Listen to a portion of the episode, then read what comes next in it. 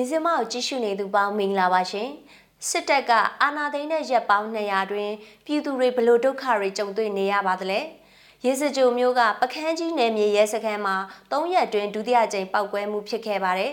တရုတ်နယ်စပ်ဂိတ်မှာမြန်မာလူသားအယောက်100ခန့်ပြန်ခွင့်ရပြီးတော့ထပ်မံဆောင်ဆိုင်နေသူ400ခန့်ရှိတယ်ဆိုတဲ့သတင်းတွေနဲ့သူမြေစင်မာကဩဂတ်လ21ရက်ည9:00နာရီထိရရှိထားတဲ့ပြည်တွင်းနဲ့နိုင်ငံတကာသတင်းတွေကိုတင်ဆက်ပေးပါရမရှင်။ကျွန်မစန်းချိန်ပါ။ဖေဖော်ဝါရီတရက်ကစလို့စစ်တပ်ကမတရားတဖြင့်အာဏာသိမ်းခဲ့တာဒီနေ့ဆိုရင်ရက်နေရရှိပါပြီ။ရက်ပေါင်း200တွင်ပြည်သူတွေဘလို့ဒုက္ခတွေခံစားနေရပါလဲ။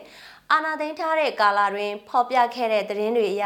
စစ်ကောင်စီအနေနဲ့ဘာမှလုပ်နိုင်တာမရှိဘဲစုပ်ယုပ်မှုတွေသာတွေ့ရှိရပါတယ်။အာဏာသိမ်းတာကိုမလိုလားတာကြောင့်စန့်ကျင်တော်လှန်တဲ့ပြည်သူတထောင်ကျော်ကြဆုံးခဲ့ရပါတယ်။ဒါအပြင်ဒီမိုကရေစီလိုလားသူတွေလူငယ်တွေနဲ့နိုင်ငံရေးတက်ကြွလှုပ်ရှားသူ9900ကျော်ဖမ်းခံရပြီးတော့2000ခန့်ဟာဖမ်းဝရမ်းထုတ်ခံရပါတယ်။ကလေးငယ်2ဦးအပါအဝင်65ဦးဟာလည်းတည်တံ့ချမှတ်ခံရပါတယ်။ ကိုဗစ်တတိယလှိုင်းကာလတွင်မှာလည်းအာဏာသိမ်းစစ်တပ်အနေနဲ့ကိုဗစ်ကိုလက်နက်တပွဲပြုကျင့်ခဲ့တဲ့အတွက်ထင်ရှားသူ130ကျော်အပါအဝင် လူတောင်းချီကိုဗစ်ကြောင့်ကွယ်လွန်ခဲ့ရပါတယ်။အကျဉ်းထောင်တွေထဲမှာလည်းကိုဗစ်ကူးစက်မှုမြင့်တက်ပြီးတော့ NLD ထိပ်ပိုင်းခေါင်းဆောင်ဦးဉဏ်ဝင်းအပါအဝင် အကျဉ်းချခံရသူတချို့ကိုဗစ်နဲ့အသက်ဆုံးရှုံးရပါတယ်။ တစ်ဖက်မှာလည်းစစ်ကောင်စီနဲ့ပြည်သူ့ကာကွယ်ရေးအဖွဲ့တွေတိုင်းရင်းသားလက်နက်ကိုင်အဖွဲ့တွေကြားတိုက်ပွဲကြောင့်ထွက်ပြေးတိမ်းရှောင်နေရသူ2သိန်းတောင်ရှိနေပါပြီလူသားချင်းစာနာမှုအကူအညီလိုအပ်သူဟာလည်း2တန်းကျော်တိုးလာခဲ့ပြီလို့ကမ္ဘာကုလသမဂ္ဂအဖွဲ့ကထုတ်ပြန်ထားပါတယ်။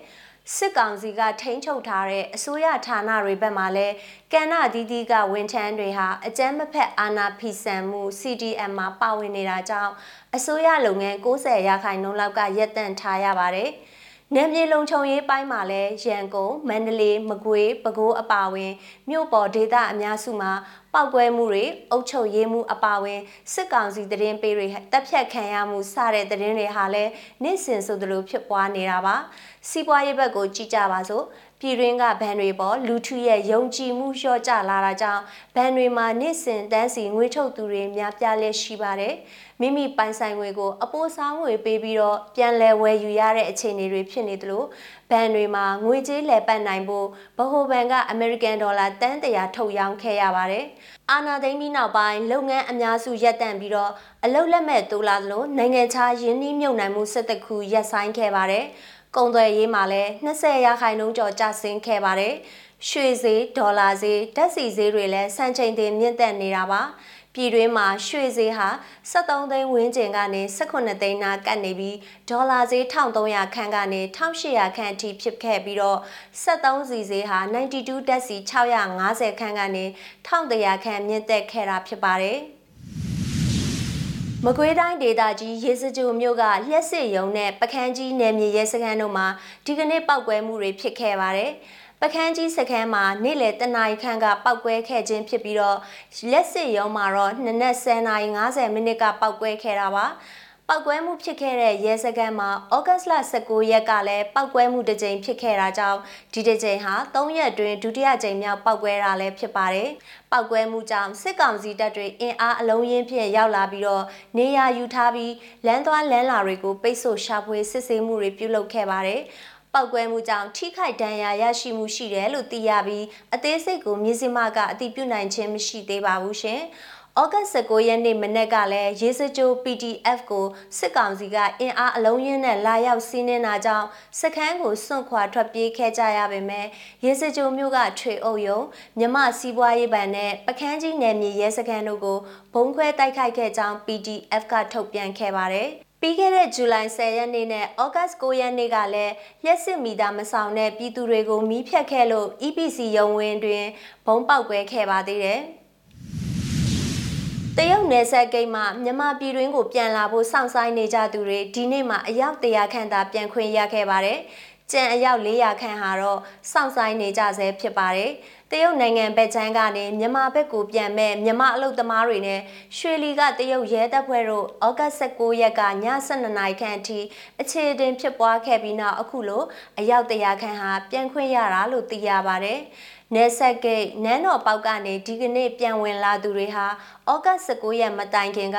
တရုတ်ရဲစခန်းမှာကြိုတင်စည်ရင်ပေးထားသူတွေဖြစ်ပါတယ်။နေရက်ပြန်သူတွေအတွက်ကူညီပေးနေတဲ့ရွှေလီရှိမြန်မာလူသားတဦးကတရုတ်ရဲစခန်းတစ်ခုကနေလူတရာလောက်ပဲလွတ်ပေးတော့ဒီလ19ရက်နေ့မှာစည်ရင်ပေးထားတဲ့သူကနည်းနည်းပဲပါတယ်။အခုကရဲစခန်းတုပ်ခုမှာပြန်ဖို့စောင့်နေကြသူတွေ400လောက်ကျန်နေသေးတယ်လို့ပြောပါတယ်။ နေရပြန်ကြမဲ့မြန်မာလူသားတွေဟာရွှေလီမြို့ကဒေါန်ဝိုင်းအောက်စေးနဲ့ကျေးလက်ရဲစခန်း၃ခုမှာစောင့်ဆိုင်နေကြကြောင်းသူကဆိုပါတယ်။ဇူလိုင်26ရက်ကနေဒီကနေ့ထိတရုတ်နိုင်ငံရောက်မြန်မာလူသားဦးရေ9000ကျော်ပြည်တွင်းကိုပြန်ဝင်လာပြီးဖြစ်ပါတယ်။ဆက်လက်ပြီးနိုင်ငံတကာသတင်းသဘုတ်ကိုတင်ဆက်ပေးချင်ပါတယ်။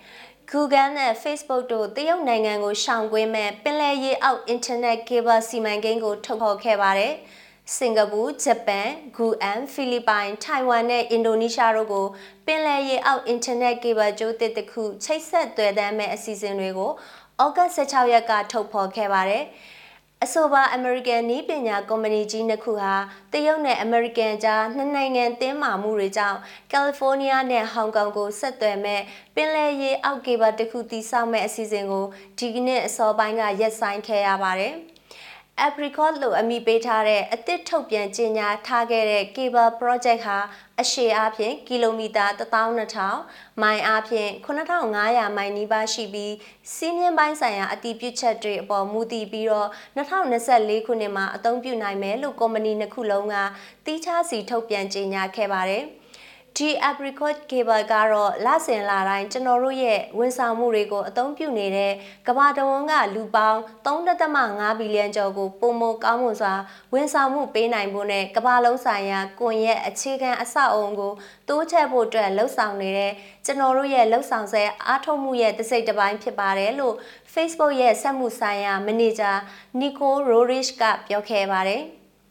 ဒီကနေ့အစောပိုင်းကအဆိုပါကုမ္ပဏီတွေကနေ American, Singapore, Guam နဲ့ Indonesia တို့ကိုချိတ်ဆက်မဲ့ Echo အမည်ရှိ အခြား cable project တစ်ခုကိုလည်းကြေညာထားခဲ့ပါသေးတယ်။ ဒီ Echo နဲ့ Apricot cable တွေကတော့အာရှတောင်ပိုင်းကိုဖြတ်တဲ့ထူးခြားတဲ့လမ်းကြောင်းတွေအပါအဝင်အာရှဒေသတွင်ရောအပြင်မှာပါရှိတဲ့လမ်းကြောင်းအများပြားနဲ့သူအကျိုးတရားတွေကန်လန်းပေးမဲ့ပြည့်စုံတဲ့ပင်လယ်ရေအောက်စနစ်တွေဖြစ်ပါတယ်။ဒါဟာ Google Cloud နဲ့ Digital ဝန်ဆောင်မှုတွေအတွက်တည်တာထင်ရှားပြီးပုံမမြင့်မားတဲ့ဒဏ်ခံနိုင်မှု degree တွေကိုအသေးချာရရှိစေပါလိမ့်မယ်လို့ Google Cloud ရဲ့ဒုဥက္ကဋ္ဌ Bikash Kohli ကပြောသွားခဲ့ပါတယ်။ ဒီကေဘာတွေဟာအာရှဒေသမှာရှိတဲ့စီးပွားရေးလုပ်ငန်းတွေနဲ့ပေါ်ထွန်းစလုပ်ငန်းတွေကိုဒေတာတွေတနေရာကနေတနေရာကိုအချိန်တိုတွင် ရောက်ရှိဖို့ပုံမမြင့်မားတဲ့မြန်နှုန်းကိုထောက်ပံ့ပေးနိုင်မှာဖြစ်တယ်လို့လည်းသူကပြောပါတယ်။မြင်းစမရဲ့ဩဂတ်21ရက်ည9:00နာရီထိနောက်ဆုံးရရှိထားတဲ့သတင်းတွေကိုတင်ဆက်ပေးခဲ့တာပါကြည့်ရှုအားပေးတဲ့အတွက်ကျေးဇူးထူးတင်ရှိပါတယ်မြမပြည်သူတွေဘေးအန္တရာယ်ပေါင်းကကင်းဝေးကြပါစေရှင်။